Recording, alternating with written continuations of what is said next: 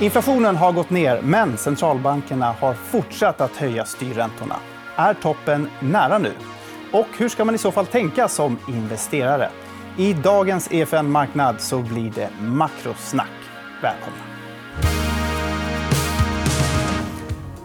Och vi ska också säga välkomna till dagens gäst. Det är Christian Granqvist, förvaltare på Lancelot. Tackar, tackar. Hur står det till? Mycket bra, tack. Måndag. Eller hur? Ja. Oktober är här. Ja, sista kvartalet. ja. Är du en höstmänniska? Absolut, Ja. det också. Ja. Men eh, så, så länge det är hyfsat ljust ute så är det väl ändå lite mysigt. Ja, men lite så. Jag kan hålla med om när det är lite krispigt och löven och allt sånt där. Mm. Du, idag ska vi snacka lite makro. eh, Och jag tänkte att vi eh, börjar med att prata det som alla har pratat om i evigheter, känns det som, nämligen inflationen. Eh, Mhm. Du var ju här i februari. Mm. Vi kan ta och titta på ett klipp på vad du sa om inflationen då. Och den goda nyheten är ju att inflationen är ju på väg ner. Det, det är ju, eh, och det här är ju generellt sett det är det, vi är på väg in i en period av det som man kallar för disinflation. Det vill säga man har inflation men att den är liksom stadigt fallande. Det här är ju- generellt sett perioder som, där, där multiplarna på börsen stiger. Alltså det är positivt för börsen. Ja, och inflationen verkar vara på väg ner nu också. Då I februari hade du med dig en graf som såg ut så här. Eh, och där ser vi i kurvan att den, eh, ja, inflationen verkar ha toppat och den kurvan har följt med ner. Eller? Ja, men precis. Det den här säger var ju att inflationen att vi, att skulle ligga ungefär på 4 Det här är ju USA. Då, eh, inflationen i, under sommaren 2023. Och vi kan ju bara konstatera att vi ligger på 3,7 i dagsläget. Så att den, den följer varandra väldigt väl. Jag menar, all things considered får man väl ändå säga att, att inflationen är ju lite, trots att det du säger att det är det som alla pratar om, så är det ändå lite yesterday's news. Så det var förra årets story. Så att säga. Det, det, är ju, det, det, det är ju inte där Så vi kan pusta ut här? Eller? Ja, ja eller det kommer säkert vara perioder liksom, eller månader som, som, som det kommer in för högt. Eller liksom, men, men, trenden är ju att, att, att den är på väg ner och inom 6 till 12 månader så kommer vi att vara kanske runt 3 och, och, och Då tror jag liksom inte att det här kommer att vara ett jättestort problem. Mm. Ehm, Jag menar, under många år så, så, så, så kämpade vi för att få upp inflationen från liksom 1 så att säga, och låg under inflationsmålet. Så att säga. Men, men eh, jag, jag, så att säga, jag, jag tror att det här är, är, förra årets story. Om vi tittar historiskt, då, finns det någon koppling mellan inflationstillgångar och börsutveckling? Absolut. Perioder, som sagt, som, jag sa i förra inslaget, perioder av, av eh, fallande, när, när man kan göra prognoser om att, att, att inflationen kommer att falla och att räntorna därmed faller så, så gynnar ju det multiplarna på börsen. Så, så det, det tenderar att vara positivt. Det som sticker ut i det här sammanhanget är ju att i dagsläget att än så länge så kommer ju inte räntorna ner. De fortsätter ju upp i de flesta regioner. Eh, vilket är ju lite störande då eftersom så att säga, de går ju upp för att, att kväsa inflationen. Eh, och, och, eh, och, och baksidan till det här är, är ju att, att, att USA då har ju valt ett, ett, liksom litet udda sätt att hantera det här på. Man har, man har ju stramat ju åt på räntesidan, den penningpolitiska stimulansen, den har ju liksom bytts till, till, till, ett åtstramande läge. Samtidigt gasar man ju på i andra sidan och har ett budgetunderskott på ungefär 8 eh, Vilket ju är, nivåer som man kan ha- kan ha sett historiskt när det har varit en, en kraftig recession eller motsvarande. Men, men vi har ju en högkonjunktur i USA. Det finns ju ingen anledning egentligen att elda på det här med, med 8 eh, budgetunderskott. Men, men, men det gör man. Va- varför det? Och, Varför gör man och, det? Ja, det gör man ju för att, för att man är rädd för att ekonomin ska hamna i en recession. Det var ju en period under, eh, Eh, under våren då där, där eh, där, banker gick omkull och de flesta var överens om att ja, men nu, nu händer det här så att säga, som vi har pratat om. Nu kommer recessionen. Samtidigt så har ju då Biden via sina demokrater drivit igenom ett antal investeringsprogram. The Chips Act, The Inflation Reduction Act som har ett lite udda namn i sammanhanget eftersom det inte direkt minskar inflationen. Eh, men allt det här eldar ju på och, sen så ut, ovanpå det så, så, så har du ju även en situation där, där man ger ett väldigt stort stöd till, till Ukraina. Mm. Eh, och, det här har ju liksom lett till en kontrovers i, USA förstås. Att, att ska, man verkligen bedriva en sån här expansiv finanspolitik? Och Republikanerna i, i kongressen har ju velat då dra åt det här. och Det betyder ju att det uppstod ju ett, ett, ett, eh, ett budgetbråk eh, som, som, löste sig i den elfte timmen här i lördags då, där man lyckades få igenom en slags kompromiss. Eller sagt, man fick igenom hela budgeten fast man lyfte ut vissa saker såsom stödet till Ukraina och så vidare. Eh, så, så, att, eh, å ena sidan är det liksom förstås positivt och det minskar ju osäkerheten men man, man skjuter det här till hörna fram till 15 november. Ehm, och, eh, och, och, samtidigt så blir det en viss osäkerhet om hur man ska hantera situationen med, med, med stödet till Ukraina. Mm. Men poängen med det här är ju att, att från den här nivån som vi har legat på så kommer ju inte inte stimulanserna från finanspolitiska stimulanserna kommer ju inte att öka ytterligare. Nej. Utan de kommer ju snarare att avta. Eh, vilket ju gör att, att det stöd som vi har haft nu under året från eh, budgetunderskottet i, i ekonomin, det avtar här successivt. Mm. Eh, och, och, det gör ju att, att det mest sannolika är ju att vi går in i en något svagare så att makroekonomisk period nu under andra halvåret och början på nästa år. Och eh, utöver så att säga, budgetunderskott-argumentet så finns det ju även den andra sidan, det vill säga att den, den monetära stimulansen, eller det, det, som man brukar kalla för tillväxtskatten i den amerikanska ekonomin, jag trodde vi hade någon graf för det också, eh, det vill säga kombinationen av högre räntor och högre eh, högre oljepris gör ju att konsumenten får det lite tuffare här. Och konsumenten står ju för 70% av den amerikanska BNP.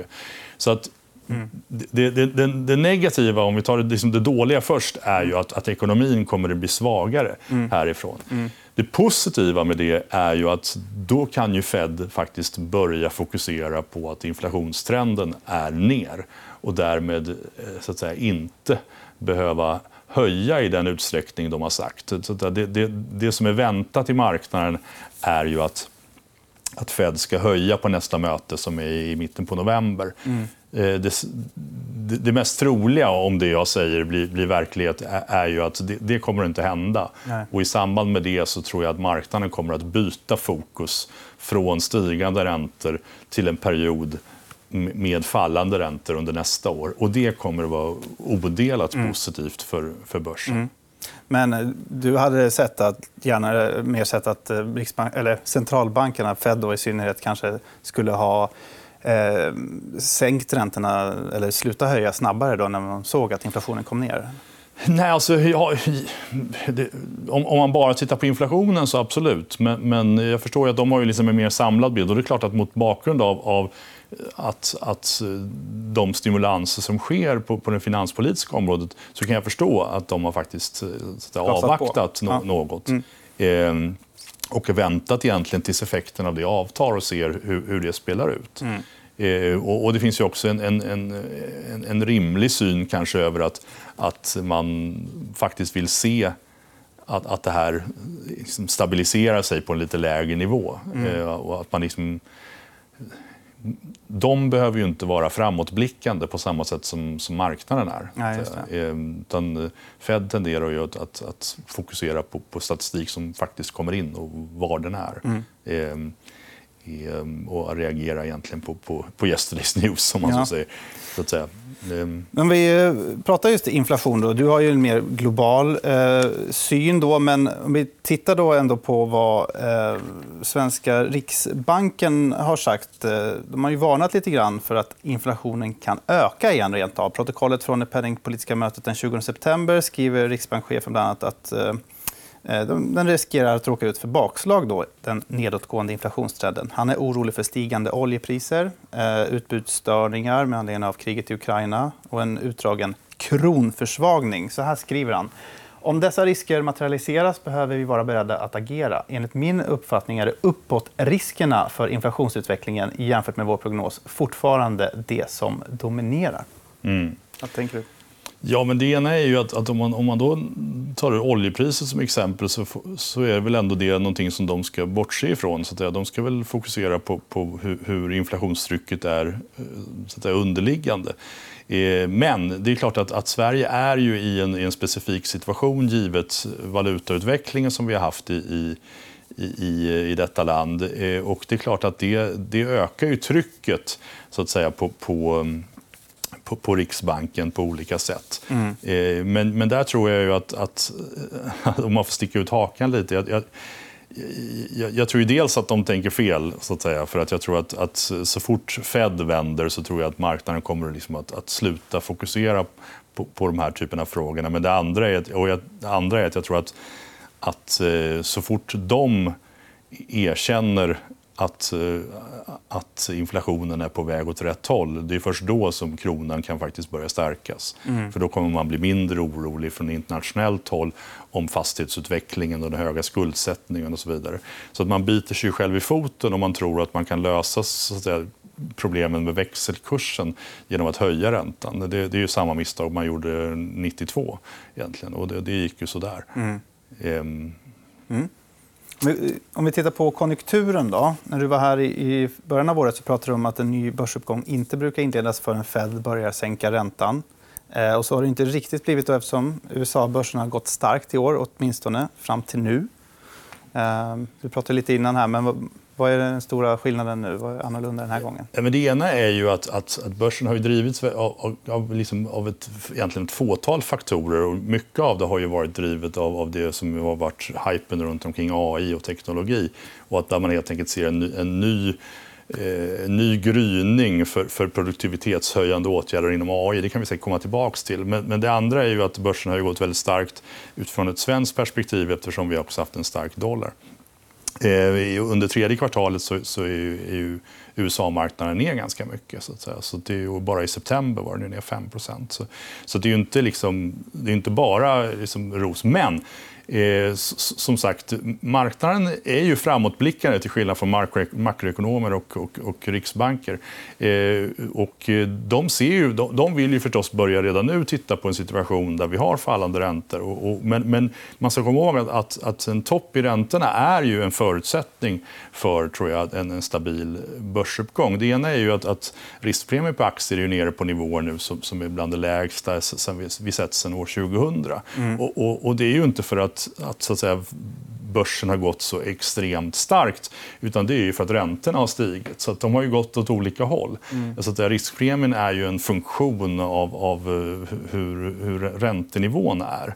Ehm, så, så, så, att en förutsättning för att, att, att, att riskpremien ska kunna komma upp och aktier ser mer attraktiva ut i förhållande till obligationer, det är ju att, att räntorna kommer ner. Och det kan ju tror jag först ske för en Fed gör en sån här så kallad pivot.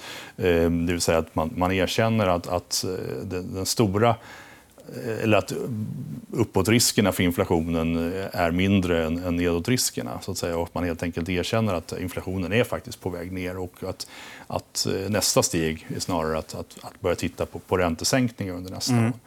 Men ska vi, eh, ska vi tolka det som att marknaden inte tror att det blir någon recession?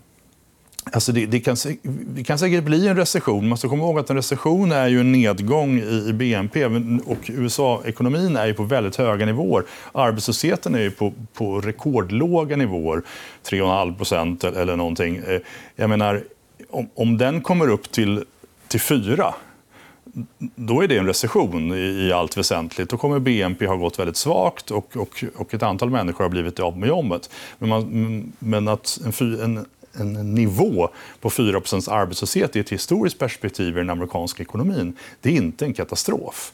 Nej. Utan eh, om, om, om vi därifrån kommer till en situation där, där vi ändå har en relativt sund ekonomi, de flesta i, i i, i, så att säga, har jobb och, eh, och, och, eh, kan behålla hus och hem och att räntorna rullar över och börjar gå ner ja, då tror jag liksom att, att, att, det finns förutsättningar för, för en mer varaktig börsuppgång. Och, och det är det den här bilden visar. Då. Mm. Eh, den, den, kanske behöver lite förklaring. Eh, men ja. de, de gråa perioderna visar historiska recessioner. Eh, och den, den, röda strecket som är, det visar när börsen de facto har bottnat eh, på, på S&P. Eh, och sen den blåa linjen är ju då eh, den amerikanska Fed Funds Rate, det vill säga den som de styr från Fed. Och man kan se då att den röda strecket, då, alltså botten på börsen, sker alltid efter att Fed har börjat sänka räntorna. Det vill säga att, och oftast i, under eller efter en, eller i slutet på en recession. Ehm, I dagsläget har vi inte kommit till den situationen, vare sig där vi har en recession eller att Fed har börjat sänka räntan. Så, så mm. Det man kan tänka sig, givet att, att vi får lite svagare nu eh, ekonomi förmodligen, eh, vi har lite högre räntor, vi får lite högre oljepris, eh, att, att den här lite svagare perioden kanske kan fortsätta någon månad eller två till tills tills Fed bekänner färg och säger att oavsett om det blir på novembermötet eller någon, någon månad eller två senare, så att, mm. säga, att, att man säger att nej, men nu, nu är liksom faran över för, för, för recessionen. Mm. Nu, nu, nu tar vi bort den här höjningen som vi pratat om och istället mm. Eh, blir mer neutral. Ja. Och då kommer marknaden att börja istället fokusera på, på de framtida sänkningarna. och då kan botten komma? Och, och, och, då tror jag liksom att, att vi har en förutsättning för en stabil börsuppgång därifrån. Så att säga. Mm. För, för, då, då kommer liksom riskpremien ja. se mer attraktiv ut. Vinstutvecklingen kommer att, att förmodligen se attraktiv ut eftersom man börjar titta på snarare en, en, en uppgång i ekonomin snarare än en nedgång som vi har just nu. Mm. Ehm, så, så, så, så det tycker det ser ganska ljust ut inför 2024, så kan man väl säga. Ja. Ehm, och att man bör nog använda potentiella nedgångar här under hösten för att köpa på sig mer aktier om man har möjlighet. Mm. Eh, om vi kokar ihop allt det här, då, hur investerar ni nu? Liksom? Är det sencykliskt som gäller? Ja, men på kort sikt är vi ju inne i en period där sencykliskt dominerar, det vill säga att råvaror eller oljepriser går starkt och så vidare. Så, så, så det, det, men den, den, den eran tror jag då tar slut i samband med att, att, eh, att Fed bekänner färg. Och, eh, och, då kommer ju när räntorna vänder, då, då, då ska man ju så att säga, definitivt, vilket man långsiktigt alltid ska vara, investera i tillväxtaktier. Mm. Eh, så, så, att, och det, det, så får man under hösten här en öppning i intressanta tillväxtaktier så att säga, på, på olika ränteuppgångar eller annat så, så, så, tror jag att det är ett bra köpläge ja. för långsiktigt. Har du något konkret tips?